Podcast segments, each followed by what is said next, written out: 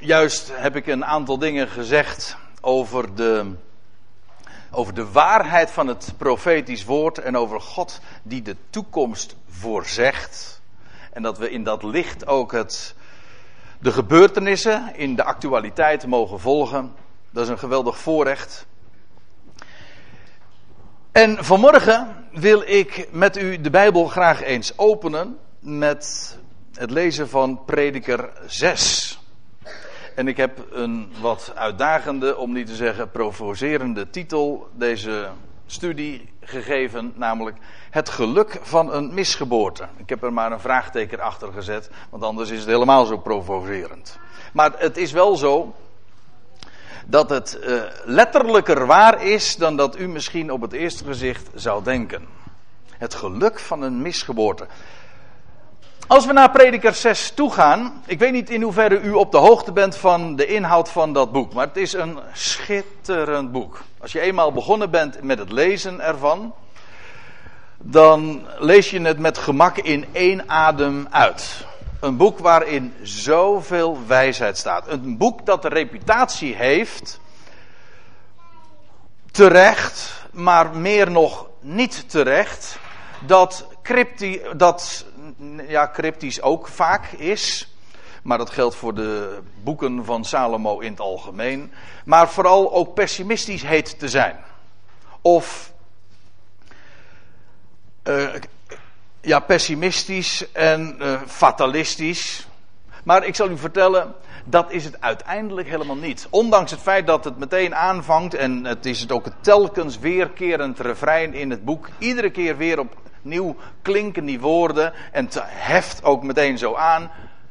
Ijdelheid der ijdelheden, alles is ijdelheid. En zo worden de dingen beschreven. En Salomo wist waar hij het over had.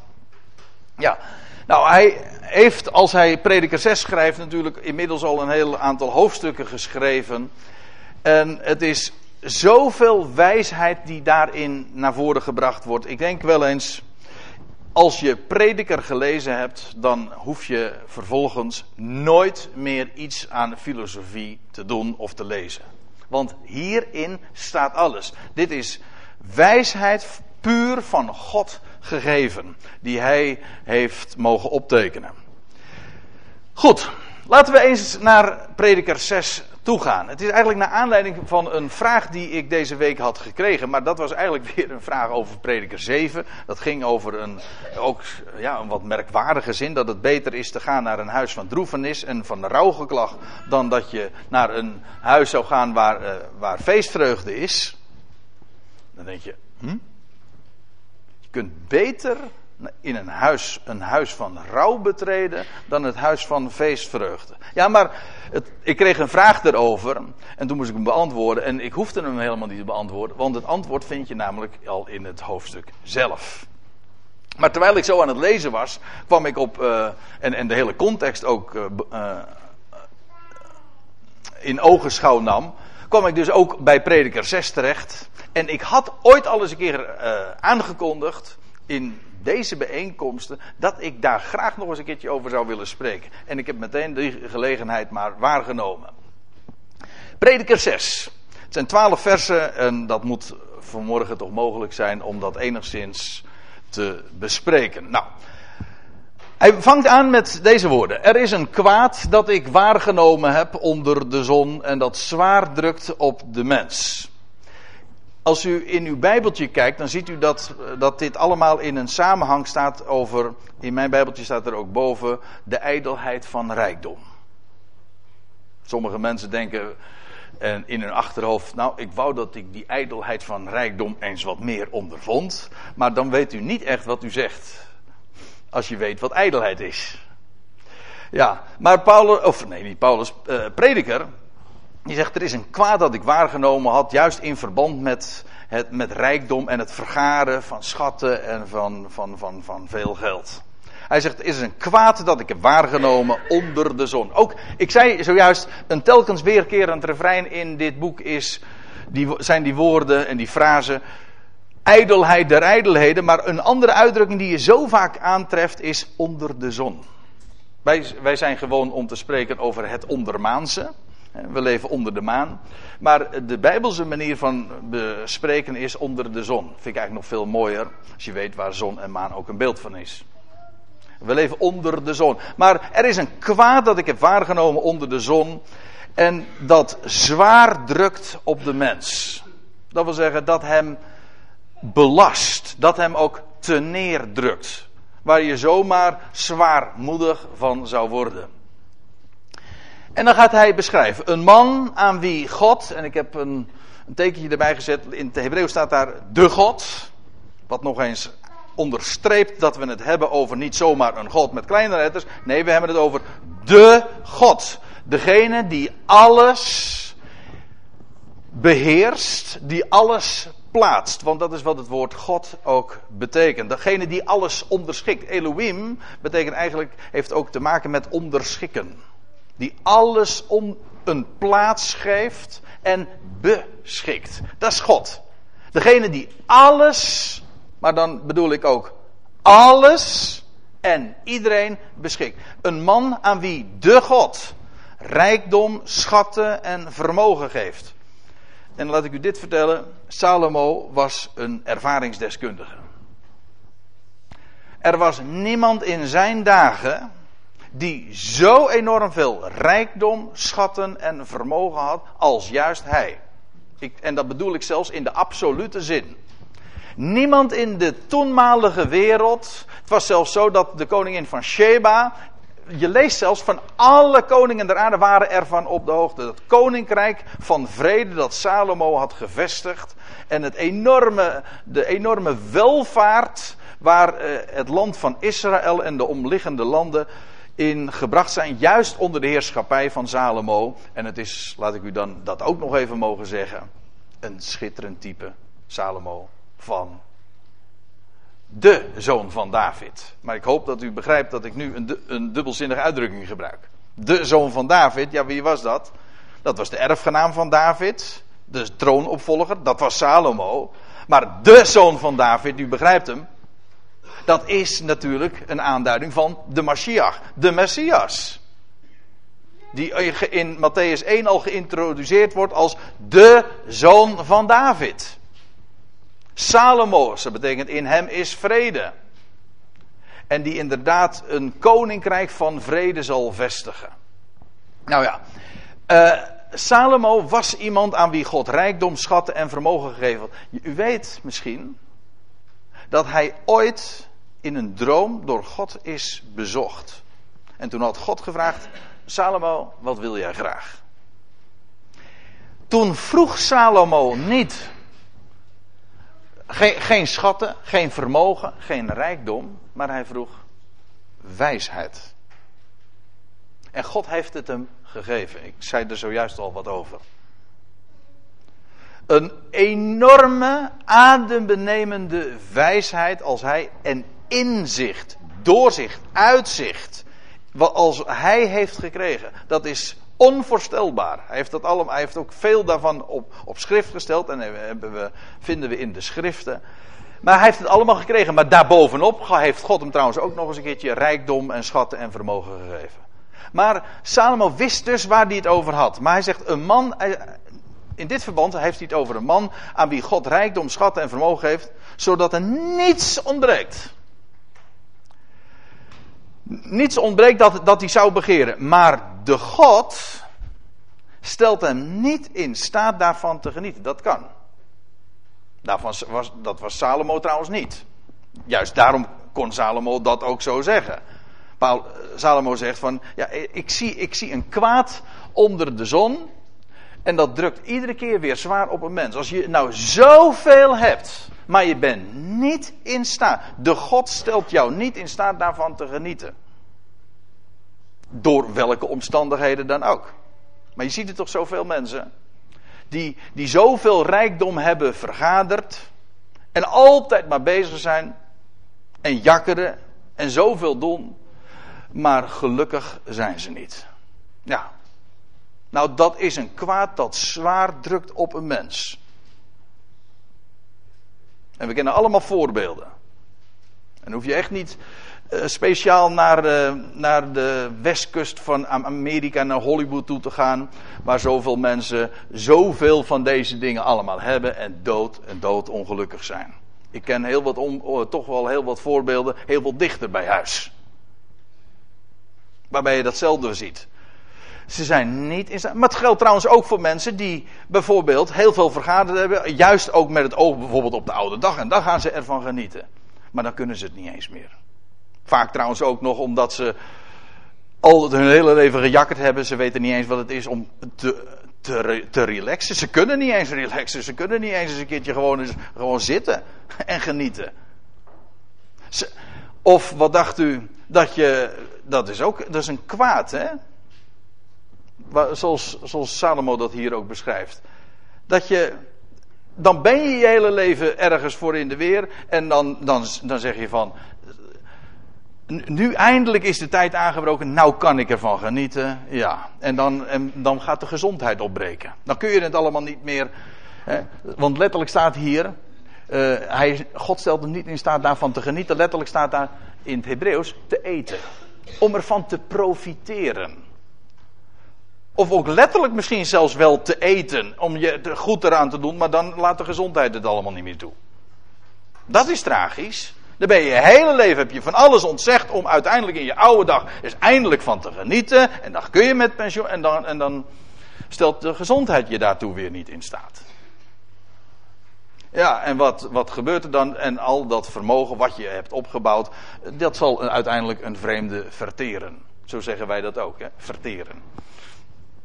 Is ook een beetje een culinair uh, uitdrukking, of in ieder geval die te maken heeft ook met eten. Wij gebruiken dat woord eten trouwens ook veel breder dan alleen maar iets tot je nemen. Uh, wij, wij, spreken ook over uh, je huis opeten. Dat bedoelen we ook, neem ik aan, niet letterlijk. Dat ligt wel heel erg zwaar op de baag. Ik bedoel, die, die uitdrukkingen zijn breder in toepassing. Eten is in het algemeen dingen tot je nemen, je eigen maken. Maar dat is tragisch. Als je zoveel hebt en je kan daar niet van genieten. En dat je het uiteindelijk allemaal voor een ander doet, terwijl het jezelf allemaal moet ontgaan. En dan zegt de prediker, dat is ijdelheid. Dat is met recht allemaal ijdelheid en een bitter lijden. Bitter kwaad staat er eigenlijk. Het woord ijdelheid, ik zei al, dat komt zo vaak voor in het boek Prediker. Dus het is misschien wel het woord dat bij uitstek past bij dit boek. Maar elders, dat woordje ijdel, dat Hebreeuwse woord dat hier achter schuil gaat, dat wordt vertaald met de eerste keer dat we het in de Bijbel tegenkomen, is het geen, geen woord, maar een naam. Namelijk Abel. Er is iemand die zo heette. Adam noemde zijn zoon, een van zijn zonen, Abel, maar Abel betekent ijdel. Adam zelf had, heeft de ervaring opgedaan dat, dat eh, van Gods wegen de schepping aan de ijdelheid was onderworpen. En waarachtig, hij noemt zijn zoon ook zo. Ijdel. Abel. Uh, het wordt ook vertaald met, kijk het maar eens na in de concordantie. Eh, het Hebreeuwse woord wordt vertaald in onze MBG-vertaling met nietigheid. Of het wordt vertaald met te vergeefs. En, en uit al die die verschillende vertaalwoorden, dan blijkt in elk geval de, ja, wat de associaties zijn van zo'n woord. Wat, wat, wat het hele vlak van betekenis uh, betreft, uh, die, waar binnen, de, uh, binnen welks grenzen dat woord ijdelheid zijn betekenis krijgt. Abel, nietigheid, tevergeefs, of een ademtocht, of een nevel. Dat is ook zoiets, zo is het er en zo verdwijnt het. Het is eigenlijk niks. Je ziet het wel, maar het, maar het is niks. Het heeft volume misschien, hè? maar het heeft geen massa, het heeft geen gewicht. Wij spreken dan ook over bluff. Bijvoorbeeld Haagse bluff. Ja, waarom nou weer Haags? Hè? Denk ik dan. Zou dat iets te maken hebben met uh, politiek, denk ik dan? Nou ja, in ieder geval bluff. Het, het is lucht maar niet meer. Dat is, dat is wat ijdel is. Te vergeefs, leeg. En, en prediker stelt van zoiets vast, ook dat is ijdelheid. En bovendien nog een bitter lijden, een kwaad. En dan, we lezen verder in vers 3. Indien iemand honderd kinderen verwekte. Nou, ik zal u vertellen, in, zelfs in de Bijbel, we vinden het toch wel hele aparte staaltjes hoor. Van mensen die heel wat kinderen hebben verwekt.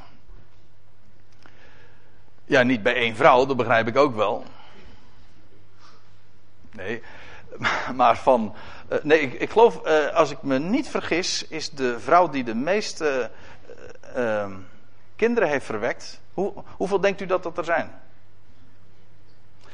Ja, dit is. Ik, het valt me nu ter plekke binnen en dus is het een beetje link wat ik nu zeg, want ik had het even moeten checken voor, voorafgaand aan deze studie. Maar ik meen dat dat niet meer is dan vier of vijf mensen, uh, vijf, vijf kinderen. Ja, dat zou je niet zeggen. Maar daarentegen lees je wel van, van een richter bijvoorbeeld die 70 zonen had. Ja, ja. Maar goed, uh, maar van iemand die 100 kinderen had, lees je nergens. Indien iemand honderd kinderen verwekte en zoals de Statenvertaling dat dan weergeeft en de dagen van zijn, zijn jaren veel waren, dat wil zeggen dat hij extreem oud werd, dat moet je ook wel als je zoveel kinderen dan zou verwekken, maar hij niet verzadigd werd van het goede en ook geen graf had. Dat is wat er letterlijk staat. Geen begrafenis had, maar en ik, dat vind ik nou leuk om uh, al eventjes te noemen. Ik heb dat in de, vertalen, of in de verklaringen eens nagezocht. Wat er zo over gezegd wordt. En de verklaarders komen hier niet uit. Eh, geen graf had.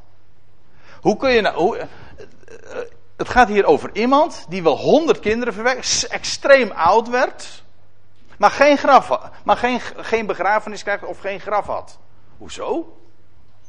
Als je zoveel kinderen hebt dan, en, en je bent bovendien uh, je, je, hebt, je hebt het zo goed, waarom zou je dan geen begrafenis krijgen? Dat is een, een, een merkwaardige situatie. Maar als je weet waar Salomo het over heeft, dan is het niet moeilijk meer te begrijpen. Salomo heeft het hier namelijk gewoon over het millennium. Dit is de situatie in het millennium, ik bedoel de duizend jaren. En Salomo wist heel goed wat duizend was hoor. Ja, u weet toch iets van zijn harem, hè? zijn duizendvoudige heerlijkheid. Maar ik geloof trouwens dat dat, ik zeg het nu even voor de grap, maar ik denk die duizendvoudige heerlijkheid van, van Salomo verwijst naar de vredevorst, die duizend jaren zal heersen. Het millennium, de duizend jaren, die zevende dag die God gesteld heeft voor deze wereld. De dag des Heren, na zes dagen, zes millennia van menselijke arbeid en getop en gezwoeg, zegt God, en nu is het mijn dag. En nu is het tijd voor rust. En in dat millennium, het, het millennium, de duizend jaren, weet u, ik zal het straks ook nog laten zien hoor. Ik, ik, ik, ik, kan nu alleen al vaststellen, dit is de situatie van honderd kinderen verwekken, zeer oud worden en bovendien geen graf hebben, dat wil zeggen niet doodgaan. Dat is de situatie in het millennium. Ik heb hier een boom als afbeelding bij geplaatst. Maar je leest in Jezaja dat gedurende het Messiaanse Rijk een, een jongeling bij gelegenheid als pas als honderdjarige zal sterven, staat er. Als iemand jong sterft, dan is die honderd jaar. Dus men, er staat ook bij, mijn volk zal de leeftijd van de bomen hebben. In de praktijk zal men onsterfelijk zijn. Dat wil zeggen, men, men, uh, zoals dat was ook trouwens in de dagen ooit van, voor de vloed van Noach. Dat mensen ook zo extreem oud werden. Ook hele andere omstandigheden op aarde. Afijn. Het gaat er even om, hier, hier wordt de situatie beschreven van iemand die, die zoveel kinderen heeft, zoveel nageslacht uh, voortbrengt, extreem oud wordt, zelfs niet doodgaat, geen graf heeft. Maar hij wordt, stel je voor, hij wordt niet verzadigd van het goede. Hij geniet niet van zulke ideale omstandigheden, maar je geniet niet het goede. Je wordt er niet van verzadigd. Wel, zegt Salomo, ik zeg, een misgeboorte is er beter toe, aan toe dan hij. En dan weet u meteen ook waar ik de uitdrukking of de titel aan heb ontleend. Want, zegt hij, in ijdelheid komt ze, dat wil zeggen zo misgeboord ze, dat wil zeggen voor niks, wordt het geboren. Uh, en in duisternis gaat ze. het verdwijnt zomaar weer. Uh, en met en met, duister, en met duisternis wordt de naam ervan bedekt. Dat wil zeggen, de naam wordt verduisterd. Zal nooit enige rol spelen. Als het al een naam zou zijn toegekend of er een naam voor wordt bedacht, het zal nooit worden uitgesproken. Ook heeft ze de zon, uh, ook heeft ze de zon aanschouwd nog gekend. Hier wordt een, een misgeboorte beschreven. Nou, triester kan het toch niet. wat een triestgeboorte, wat een misgeboorte toch is. Maar zegt maar zegt Salomo, ik zeg je, iemand, al leef je in de meest ideale omstandigheden, al was het in het toekomende millennium, en je, en je verwekt een geweldig nageslacht en, en je wordt stok en stok oud, je, dan nog. Je geniet het goede niet als je niet in staat bent dankbaar te profiteren van dat wat God je geeft nou, dan, ben je, dan is een misgeboorte te verkiezen boven jouw bestaan. Het zijn, het zijn Salomo's woorden, maar ik zeg al, Salomo sprak in wijsheid. Het is heel zwart-wit, maar het is toch zo? Als je niet in staat bent te genieten, dat wil zeggen blij te zijn, ik bedoel dankbaar te zijn. Voor, voor datgene wat God je geeft. En mensen vragen ze dan, hè, hoe, hoe, kun je nu, hoe kun je nu blij zijn? En mensen, is het u nooit opgevallen? Misschien herkent u dat zelf ook wel. Dan denk je van, nou, ja, als ik nou dat heb, stel je voor, ik heb een partner gevonden, of die partner, of ik heb die baan verworven, of dat huis kan ik kopen, of dat kan ik realiseren. Als ik dat eenmaal bereik, dan ga ik me verblijden. Maar ik zal u vertellen, als je. Prediker maakt dat ook duidelijk in, in dit boek. En trouwens niet alleen in het boek Prediker. Als je niet in staat bent. nu te genieten van dat wat God je geeft. En je, je alleen maar denkt aan dat wat je mist, wat je niet hebt. Dan leef je niet. Net zoals een misgeboorte niet leeft. Hè? Die verdwijnt ook in duisternis, allemaal te vergeefs. Leven heeft te maken met het feit dat je Hem erkent. En, de, en dat wat Hij geeft, weet te waarderen. En als je dat niet weet, dan zul je ook nooit datgene wat je nu mist en waar je naar streeft, zul je ook dat niet naar waarde weten te schatten. Wel, prediker zegt, uh, die misgeboorte is er nog beter aan toe dan jij. In zo'n geval. Als je niet weet te genieten, niet weet te waarderen dat wat God je geeft. Want zegt hij, deze, die misgeboorte, die heeft rust. Maar hij niet. Hij topt maar. Wat je van een misgeboorte ook kan zeggen, hij heeft rust. Ik moet, als ik het over een misgeboorte heb, ik kan niet helpen. Dan denk ik per definitie aan iemand. Aan wie zou ik denken?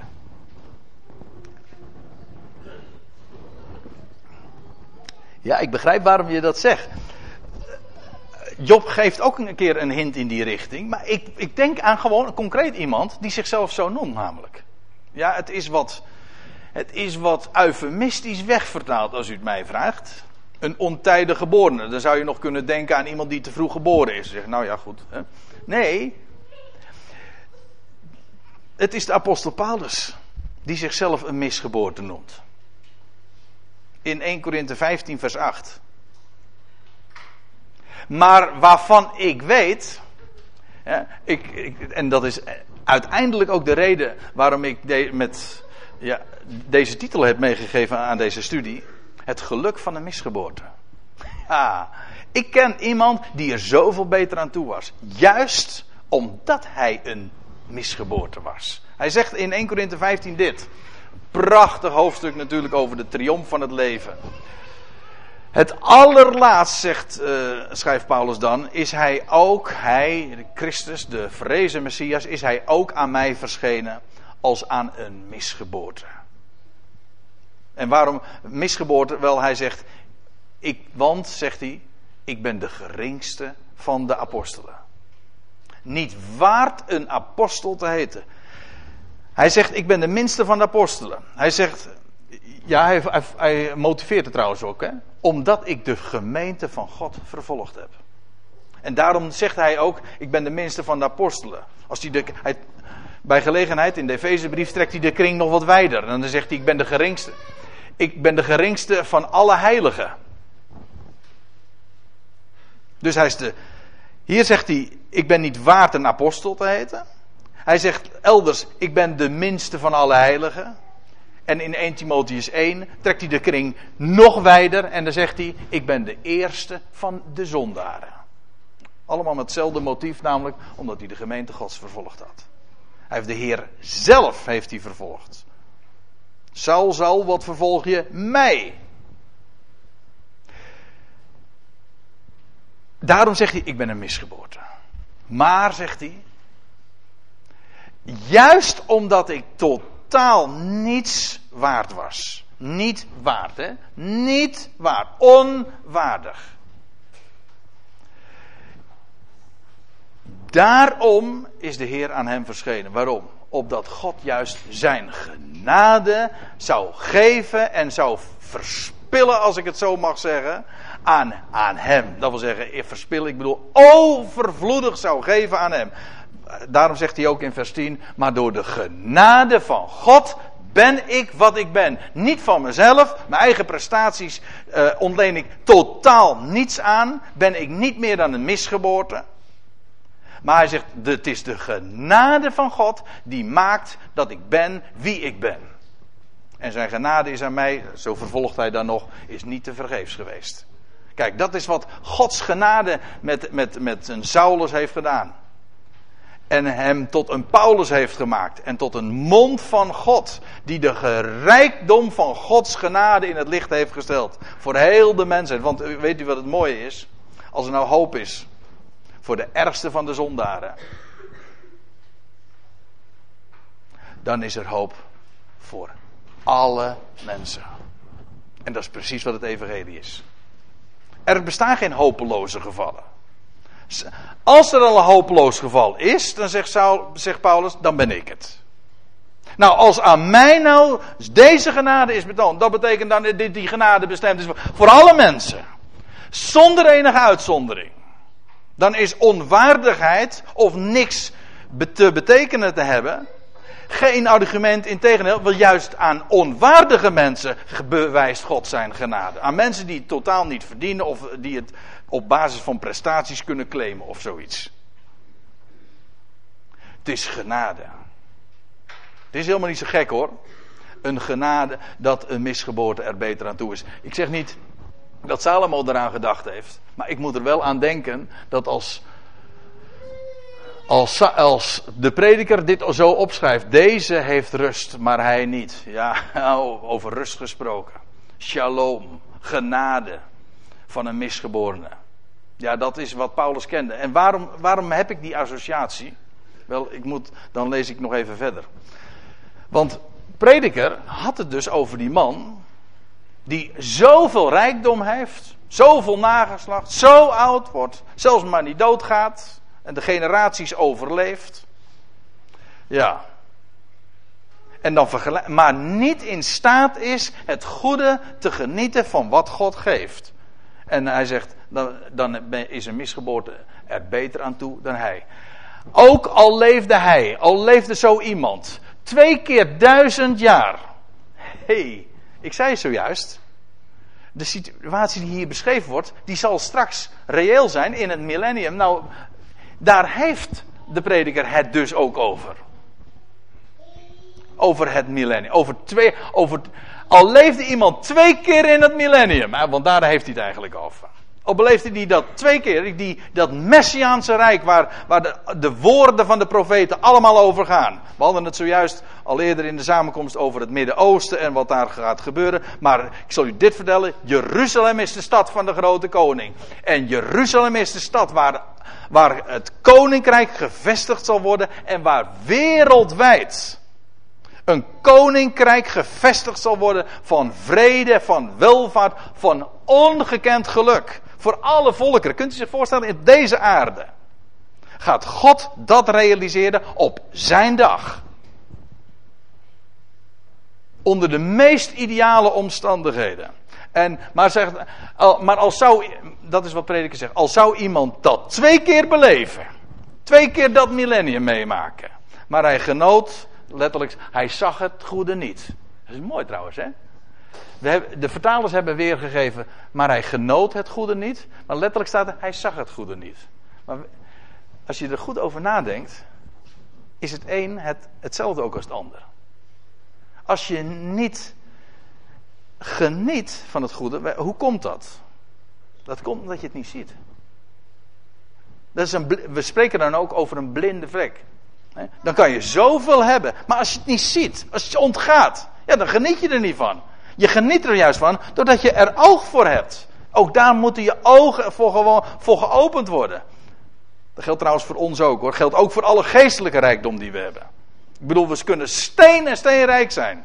Maar je kunt een, een, verschrikkelijk armoedig leven hebben. Altijd maar met het hoofd naar beneden gekeerd. Dat je, dat je gewoon geen oog hebt voor wat je bezit. En weet je wat je dan nodig hebt? Verlichte ogen van het hart. Zodat je gaat zien en ontdekken hoe rijk je bent. Maar als je, die, als je dat niet ziet. Als je niet ziet. Alles wat je hebt ontvangen. Al is het nog zo'n rijkdom. Al is het de, de, de rijkdom van het Messiaanse Rijk straks. Van het millennium. Al zou je dat zelfs twee keer meemaken. En je genoot het goede niet. Ach, gaat niet alles naar één plaats. Dat wil zeggen, uiteindelijk moet je toch afleggen. Wel, wie je ook bent. Ja, of je nou rijk bent of wat. Uiteindelijk gaat alles naar één plaats. Wat trouwens in het licht van de, de woorden van die misgeboorte ik begrijp wat ik nu bedoel, hè? Nog een veel mooiere betekenis gaat krijgen. Want dat is negatief zo. Alle sterven in Adam, dat is ook 1 Korinthe 15. Maar allen zullen ook in Christus levend worden gemaakt. Heeft niks te maken met wie je bent of welke keuze je gemaakt hebt. Of wat voor leven je geleefd hebt. Zo heeft de God, de Ha Elohim, dat beschikt. We zijn niet zoveel. En dan, ja, ik moet verder gaan. Vers, vers 7. Al het zwoegen, zegt, staat er. Nee, pardon. Terwijl ik dit zeg, moet ik, ik moet nog even één ding zeggen. Dat zou ik uh, zomaar vergeten. Want over die tweemaal duizend jaar. Dan denken we natuurlijk in de eerste plaats aan, aan het millennium. Al zou je dat twee keer meemaken. Maar het mooie is die tussenperiode waarin wij leven. En waar juist de apostel Paulus, die misgeboorte, zo machtig over spreekt. En waar hij juist van Gods wegen die openbaring heeft ontvangen. Van rust. Dat is allemaal in die interval, in die tijd dat Israël verstrooid is onder de natie. Dat duurt twee dagen. Twee millennia. Heb je weer twee maal duizend jaar.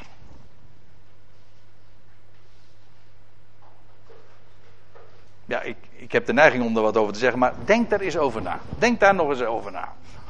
Goed, vers 7. Al het zwoegen van de mens is voor zijn mond. Dat wil zeggen, een mens is de hele tijd maar bezig voor zijn eigen boterham. Hè, voor zijn, uiteindelijk niet voor je boterham, maar zeker hier in het Westen niet. Hè. Wij zijn niet bezig voor onze boterham, maar voor, voor het beleg erop. Hè. Alles wat erbij komt, wat je niet nodig hebt. Maar gewoon alle luxe, alle comfort. Allemaal voor je mond. Om het allemaal om het je eigen te maken, om er van te profiteren. Al het zwoegen van de mens, dat wil zeggen van die mens waar, waar, waar de prediker het juist hier over had, of over heeft, over, over die mens die, die misschien zich zoveel, uh, zoveel ontzegt, en, maar zoveel rijkdom heeft, en, maar toch, hij geniet het goede niet. Toch wordt de begeerte niet vervuld. En weet u wat hij dan zegt? Ja, want het, uh, Pardon, ja, vers 8. Want wat heeft. Nu, nu volgen twee vragen. Want wat heeft de wijze voor boven de dwaas? En wat heeft de arme die zich onder de levende weet te bewegen? Dat is een wat moeilijke vers, moeilijk vers. Zoals het hier geformuleerd wordt. Maar als je het in het verband leest, ga je het begrijpen. Kijk, de gedachte is. Wat heeft nou de wijze voor boven de dwaas. En al ben je dan arm, Want dat kan. Ik bedoel dat je, dat je niet al die rijkdom hebt. Maar als je je weet te bewegen. Dat wil zeggen, als je je, weet, je weg weet te gaan. Hier in dit leven. En je bent wijs. Wat heb je dan voor? Nou, kijk, elders in het boek Prediker wordt al gezegd. Uh, wat heeft de wijze voor boven de dwaas? In zekere zin helemaal niks, want je gaat toch allemaal dood, zoals we, zoals we dat dan zeggen. Uiteindelijk. Maar het maakt, en dat is hier de gedachte, het maakt toch zoveel verschil. Al, heb je, al ben je dan misschien arm, als je je weet te bewegen, als je je weg weet te gaan, als je weet te genieten van dat wat God je geeft, dan ben je zoveel rijker. Hier wordt het als vraag gesteld, maar hier, nu krijgen we het antwoord. Vers 9. Het antwoord was eigenlijk al in het voorgaande ook gegeven. Vandaar dat vers 8 eigenlijk ook een, een retorische vragen zijn. Maar hier wordt dat ook nog weer nader op ingegaan. Beter, zegt prediker, beter is het zien der ogen dan het jagen van de begeerte. Letterlijk staat er dan het jagen en het jachten en het achterna zitten van, van de ziel. En zegt prediker dan, ook dat is ijdelheid. En najagen van wind. Weer zo'n uitdrukking die typisch is voor dit boek Prediker. Najagen van wind. Je ziet iemand zo met een schepnetje. En je probeert wind te vangen. Ja, over, uh, over een ijdele bezigheid gesproken. dat, is, dat is net als dat stuk worst dat, uh, dat een hond wordt voorgehouden. Een, uh, dat, waar die maar achterna aan, waar die maar achteraan zit, maar het nooit te pakken krijgt. Dat, dat is net zoiets als najagen van wind. Nou, een, mens is wat bezig hoor, met het najagen van wind. Dat wil zeggen, met, ja, allemaal. En het, je, kunt, je kunt zeggen, je zou je een heleboel ellende kunnen besparen. Wanneer je gewoon eens een keer het boek Prediker en het boek Spreuken Waar zoveel wijsheid, gewoon praktische wijsheid in staat. Als je dat gewoon le zou lezen en je eigen zou maken voordat, voordat je proefondervindelijk allerlei dingen moet ondervinden. Want dat kan je een heleboel verdriet schelen. Maar in de praktijk werkt het zo dat je er juist door, de, door ondervinding wordt een mens wijs. En kom je erachter, ja, het is najagen van wind. En als ik, als, ik, het zou wel grappig zijn om nou eens een keertje de rest van deze samenkomst daaraan te wijden van, nou geef eens voorbeelden. En iedereen nou eens een keer voorbeelden geven van najagen van wind. Dingen waar je, waar je in je leven mee bezighoudt en waar je je op focust en waar je zoveel tijd in, in steekt en zoveel energie insteekt en waarvan je weet, of, of in elk geval uiteindelijk moet, uh, moet vaststellen, het is niks, het is lucht. Het is leeg, stelt niks voor en het is allemaal voor niks. En dan heb ik het niet alleen maar over al die pogingen die een mens doet om het ouder worden, het proces van ouder worden tegen te gaan. Ja, ik heb van de week daar wat over gelezen. Over wat mensen allemaal uit, in huis. Dat, juist ook rijke mensen kunnen zich dat soort dingen ook weer permitteren. Allerlei operaties. En dit is geen moreel oordeel hoor. Want ik ben helemaal niet bezig met ethiek. Ik wil alleen maar gewoon. Want dan moet u helemaal zelf weten. Maar het is toch zielig eigenlijk. Laten we wel wezen. Het is een race tegen de klok. Eh, een race waarvan je op voorhand weet: ik ga hem verliezen. Je, je kan van alle, allerlei dingen proberen hè, om, om maar niet ouder te, te worden, of in elk geval voor het oog. Je gaat verliezen. Hoe heette die mevrouw ook weer die van de week overleed? Die uh, Hollywoodster? Liz Taylor, ja. Nou, die, die, die, die kon daar ook over meepraten. Een prachtige vrouw, hè? En, maar die ook zoveel uit in huis. Uh, of, uh, ja, ik kan het nu zeggen, want ze hoort het toch niet. Hè? Nee. Maar ik bedoel, een voorbeeld van iemand die ook zoveel heeft eh, gedaan om, om, om in elk geval maar mooi te blijven. Maar het is, het is, het is inderdaad najagen van wind. Natuurlijk, oh, het is prima als je, eh, als je eruit haalt wat erin zit. Maar mensen hebben soms van die onrealistische verwachtingen. Het geldt ook van zoveel idealisme. Waar jonge mensen mee beginnen om de wereld beter te maken. En dan zeggen we, idealisme is toch heel mooi. Ja, maar het is ook vaak zielig. Want de grootste idealisten, die eindigen vaak in, in, het, eh, in, in het vreselijkste, eh, in de, in de meest vreselijke vormen van, van frustratie. Juist omdat je zulke hoge verwachtingen had. En dan moet je van uiteindelijk vaststellen. Ja, ik, ik, kan het, ik kon het niet realiseren. En dan is het cynisme wat overblijft. Frustratie. Als je het boek Prediker had gelezen. Had je daar had je zulke frustraties kunnen besparen. Weet je, als je gewoon op voorhand weet. Dit leven. Deze schepping is aan de ijdelheid onderworpen. Van Gods wegen. En, zou je, en dan is het zoveel beter, wat hier staat. Het is beter het zien der ogen dan het jagen der begeerte. Dat, in de praktijk betekent dat je kunt beter gewoon dat wat je krijgt, dat wat gegeven is, wat je ziet, wat je ontvangt, om dat te beseffen, dan altijd maar juist te jagen en te jachten naar dat wat je mist. En dat is in de praktijk waar de mens mee bezig is. Altijd maar bezig met wat je niet hebt, maar wat zou, graag zou willen bemachtigen. En altijd maar bezig zijn daarmee. Dat is najagen van wind. Daarom zegt prediker zo wijs: het is beter het zien der ogen dan het jagen van de begeerte. Dat wat de ziel allemaal uh, beseft van, hé, dat mis ik. Dat zou ik eigenlijk nog willen hebben. Dat proberen te bemachtigen. En onderwijl ontgaat het je alles wat je hebt. Wat je krijgt. Beter het zien der ogen dan het jagen der begeerte. Ook dit is ijdelheid en najagen van wind. Want wat hij ook is. dat is een mooi vers. Prediker 6, vers 10. Wat hij ook is. Voorlang is zijn naam genoemd. Dat wil zeggen die van de mens. En het is bekend dat hij mens is. Eh, we, worden nooit meer dan we zijn. We zijn gewoon mens. En prediker is daarin ook letterlijk down to earth. Dat wil zeggen, dat is eh, een mooie woordspeling in dit verband. Want het woord mens, dat is, in het Hebreeuws is dat Adam.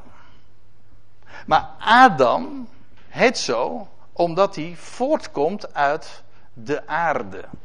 Adama. Ja, dat is eigenlijk, dat is uit, ja, hij komt voor, hij heet Adam. Dat komt omdat hij voortkomt uit Adama. En daarom, daarom heet hij Adam. Aards. Ja, dat is ook nog vrouwelijk. En daarom inderdaad ook nog moeder aarde. Is de, de, de schepper is de vader. En deze schepping wordt voorgesteld als, als een vrouw. Als een zwangere vrouw zelfs. Moeder aarde. Wel, dat is de mens. We zijn aards aardsgebonden. En aan de, aan de, uit de aarde voortgekomen. En dat is precies wat de mens is. Dan ga ik nog helemaal voorbij aan de Hebreeuwse symboliek van Adam. Dat de letter Alef nog te maken heeft met, de God, met God zelf, de Alef. En met bloed, dam. Theo Frederik is er nu niet, maar die zou er ook heel wat over kunnen vertellen. Over de Hebreeuwse symboliek. Dat, daar gaat het me nu even niet om. Het gaat me nu om het gegeven dat een mens is een mens. Dat wil zeggen Adam. Voortgekomen uit de aarde. En hij moet zich niet zoveel verbeelden. Want weet u wat het is? We zijn niet meer dan dit. Pottenbakkersklei. Ja, en met recht uit de klei getrokken. Hè? We zijn, we zijn gewoon uit de aarde genomen. Wat u hier ziet en waar we naar tegen, tegen, tegen aan zitten te kijken, dat is gewoon stof uit de aarde. Uit stof zijn we genomen en tot stof keren we weer. Is dat cynisch? Nee, is niet, dat is gewoon zoals het is. En, dat, en voor zover we wat zijn, dan is dat omdat de pottenbakker wat van ons maakt. En ik zal u dit zeggen, hij maakt er geen potje van. Maar hij doet het wel op zijn tijd. En ook op zijn wijze. En het leven wordt anders op het moment dat je gaat beseffen: ik ben een mens. Uit de aarde genomen, ben klei en hij is de pottenbakker. Als je dat weet, heb je volgens mij Nee, dat weet ik heel zeker. Dan heb je het geheim van het leven ontdekt. Hij is de schepper en hij maakt mijn leven. Hij timet de dingen en ik heb niks, me niks te verbeelden. En wat hij ook is, voorlang is zijn naam genoemd en het is bekend dat hij mens is. Hij, dan gaat het over die mens, kan niet rechten met hem die sterker is dan hij. Dat vind ik zo'n mooi vers. Ik zou heel wat andere schriftplaatsen kunnen noemen waar dezelfde waarheid naar voren gebracht wordt. Een mens kan niet rechten. Dat is toch wat een mens doet? We, we, we zijn maar bezig met dat wat we missen en we, we nemen het God kwalijk. En dan, en dan gaan we rechten. Met, want je vindt toch eigenlijk dat je recht hebt op. En dan jaag je dat na. Maar waarom? Je krijgt gewoon dat wat je, wat je ontvangt. En, zo, en wat, wat prediker zegt. Het is beter het zien der ogen dan het jagen van de begeerte. Want waarom nou maar altijd bezig zijn met wat je niet hebt? Als je het niet hebt, dan heeft God het je domweg niet gegeven. Leef met het gegeven. Mooi woord, hè? Met het wat gegeven is. Wat je ontvangt. Verblijd je daarin. En weet dat er één is die het jou gegeven heeft, die het jou beschikt. En hij weet wat hij doet. Wij begrijpen er helemaal niks van. En dat is precies wat hier dan ook staat. Een mens kan niet rechten met hem die sterker is dan hij. Hij is de Almachtige. Hij beschikt de dingen. En je kan wel zeggen van, ja, ik, waar, waarom, ik, verdien, ik het, verdien ik het niet om, om, om gezond te zijn? Ik noem maar wat. Waaraan heb ik deze ziekte verdiend? Een mens stelt zich zulke vragen. Het kan toch, eh, of ja, dat is een uitdrukking, we hadden het net over Haagse bluff, maar in, in, in de politiek uh, wordt heel vaak die uitdrukking ge, gebruikt van: het kan toch niet zo zijn dat. Dat is een hele leuke uitdrukking, want men heeft men het altijd over dingen die wel zo zijn. het kan toch niet zo zijn dat. Men, men bedoelt eigenlijk, men vindt het niet acceptabel. En een heleboel dingen die, we vind, die in deze wereld gebeuren, vinden we niet acceptabel. En dat vinden we niet recht. Maar een mens kan helemaal niet recht. Dat is trouwens over, de, over die pottenbakker gesproken. Predikers, of dat is de apostel Paulus, maar die ontleent het dan ook weer aan wat de, de Hebreeuwse profeten al hadden gezegd. Zal, een, zal het boetseersel soms tot, tot zijn maker zeggen: Waarom hebt gij mij zo gemaakt? God, God leidt jouw leven en zijn weg, als je dat nou op, voor, als, op voorhand nou aanvaardt, laat dat gewoon, dat noemen ze met een duur woord, een axioma. Laat dat het axioma in je leven zijn. Gewoon het uitgangspunt. Daarmee vertrek je. Dat heeft niks met gevoel te maken of met, met wat je ziet. Nee, je weet, je gaat ervan uit, Hij is God, Hij is de schepper en Hij weet het het beste. En dat wat Hij geeft, dat is het beste en Zijn weg is de beste. En weet je, op het moment dat je dat realiseert, ga je ook en kun je ook pas genieten van wat je ontvangt. Dan heb je rust. En hou je op met dat altijd dat eeuwige gejaag en gejakker op wat, om, om wat je mist. Leef met wat je gegeven is. Dat, zo, dat, is zo, dat zijn zulke wijze woorden. Een mens kan helemaal niet in rechten met hem die sterker is dan hij, de Almachtige. Laten, ja, en, dan, dan, wordt er nog vervolgd. Laten er vele woorden zijn, zij vermeerderen slechts de ijdelheid. Ja, het geldt in het algemeen. Daar moet ik het natuurlijk ook niet al te lang maken. Nee, want je, eh, in, in de vele woorden ontbreekt de overtreding niet. Hoe meer je gaat zeggen, hoe meer je ook je verspreekt. En dingen zegt die je niet waar kan maken. Hier in dit verband gaat het trouwens over de woorden die God, die een mens spreekt of, of meent te kunnen spreken tegen God. Het rechten met God. Je staan op je recht. Maar dat kan helemaal niet. En alles wat je daarover meent te kunnen zeggen. Nou, laten er vele woorden zijn. Ze vermeerderen slechts de ijdelheid. Het is onzin. Alles wat je meent beter te weten dan God. is gewoon ijdelheid. Leeg. Het stelt niets voor. En bovendien, zegt prediker, welk voordeel heeft de mens daarvan? Het is allemaal bla bla bla bla bla bla bla. Ja, als je de schepper niet erkent, dan is het alleen maar onzin wat je uitkraamt. En als je de schepper kent, dan hoef je in wezen niet veel meer te zeggen, want hij heeft gesproken. En dan is zijn woord genoeg. En dan heb je rust. En dan leef je met het gegevene. En dan gaan je ogen open voor dat wat hij hier geeft. En dan weet je, zijn weg is de beste. Waarom? En dan begrijpen we er iets van? Nee.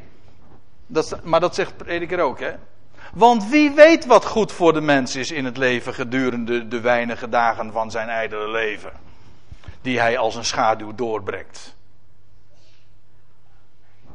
Ja? Wie weet dat? Wij missen domweg het overzicht. Hè?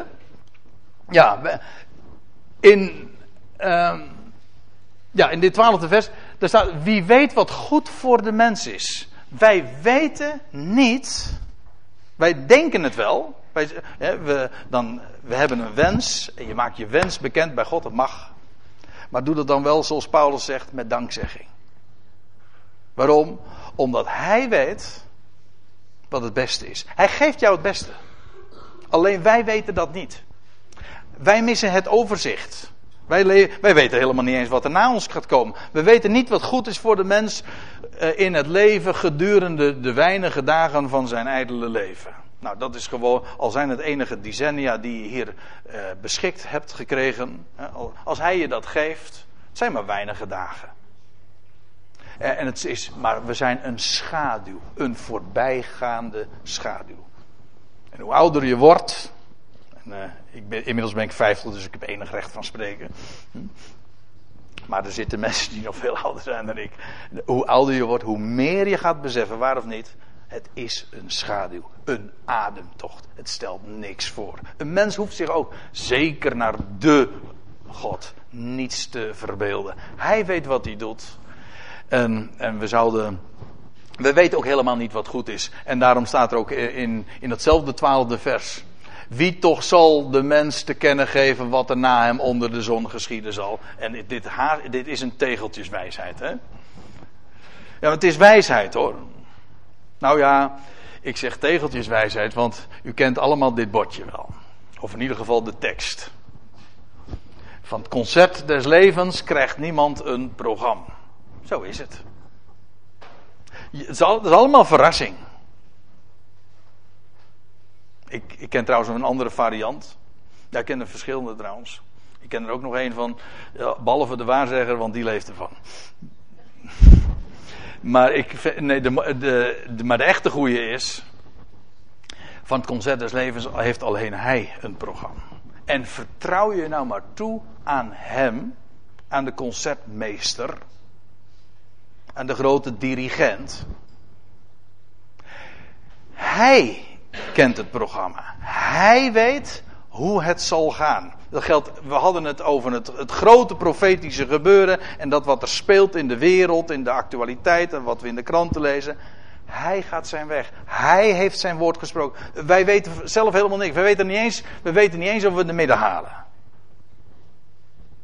Laat staan dat we iets zinnigs zouden kunnen zeggen over volgende week, over ons persoonlijke leven al niet en over het grote wereldgebeuren niet. Voor zover wij iets weten, is dat omdat het ons geopenbaard is.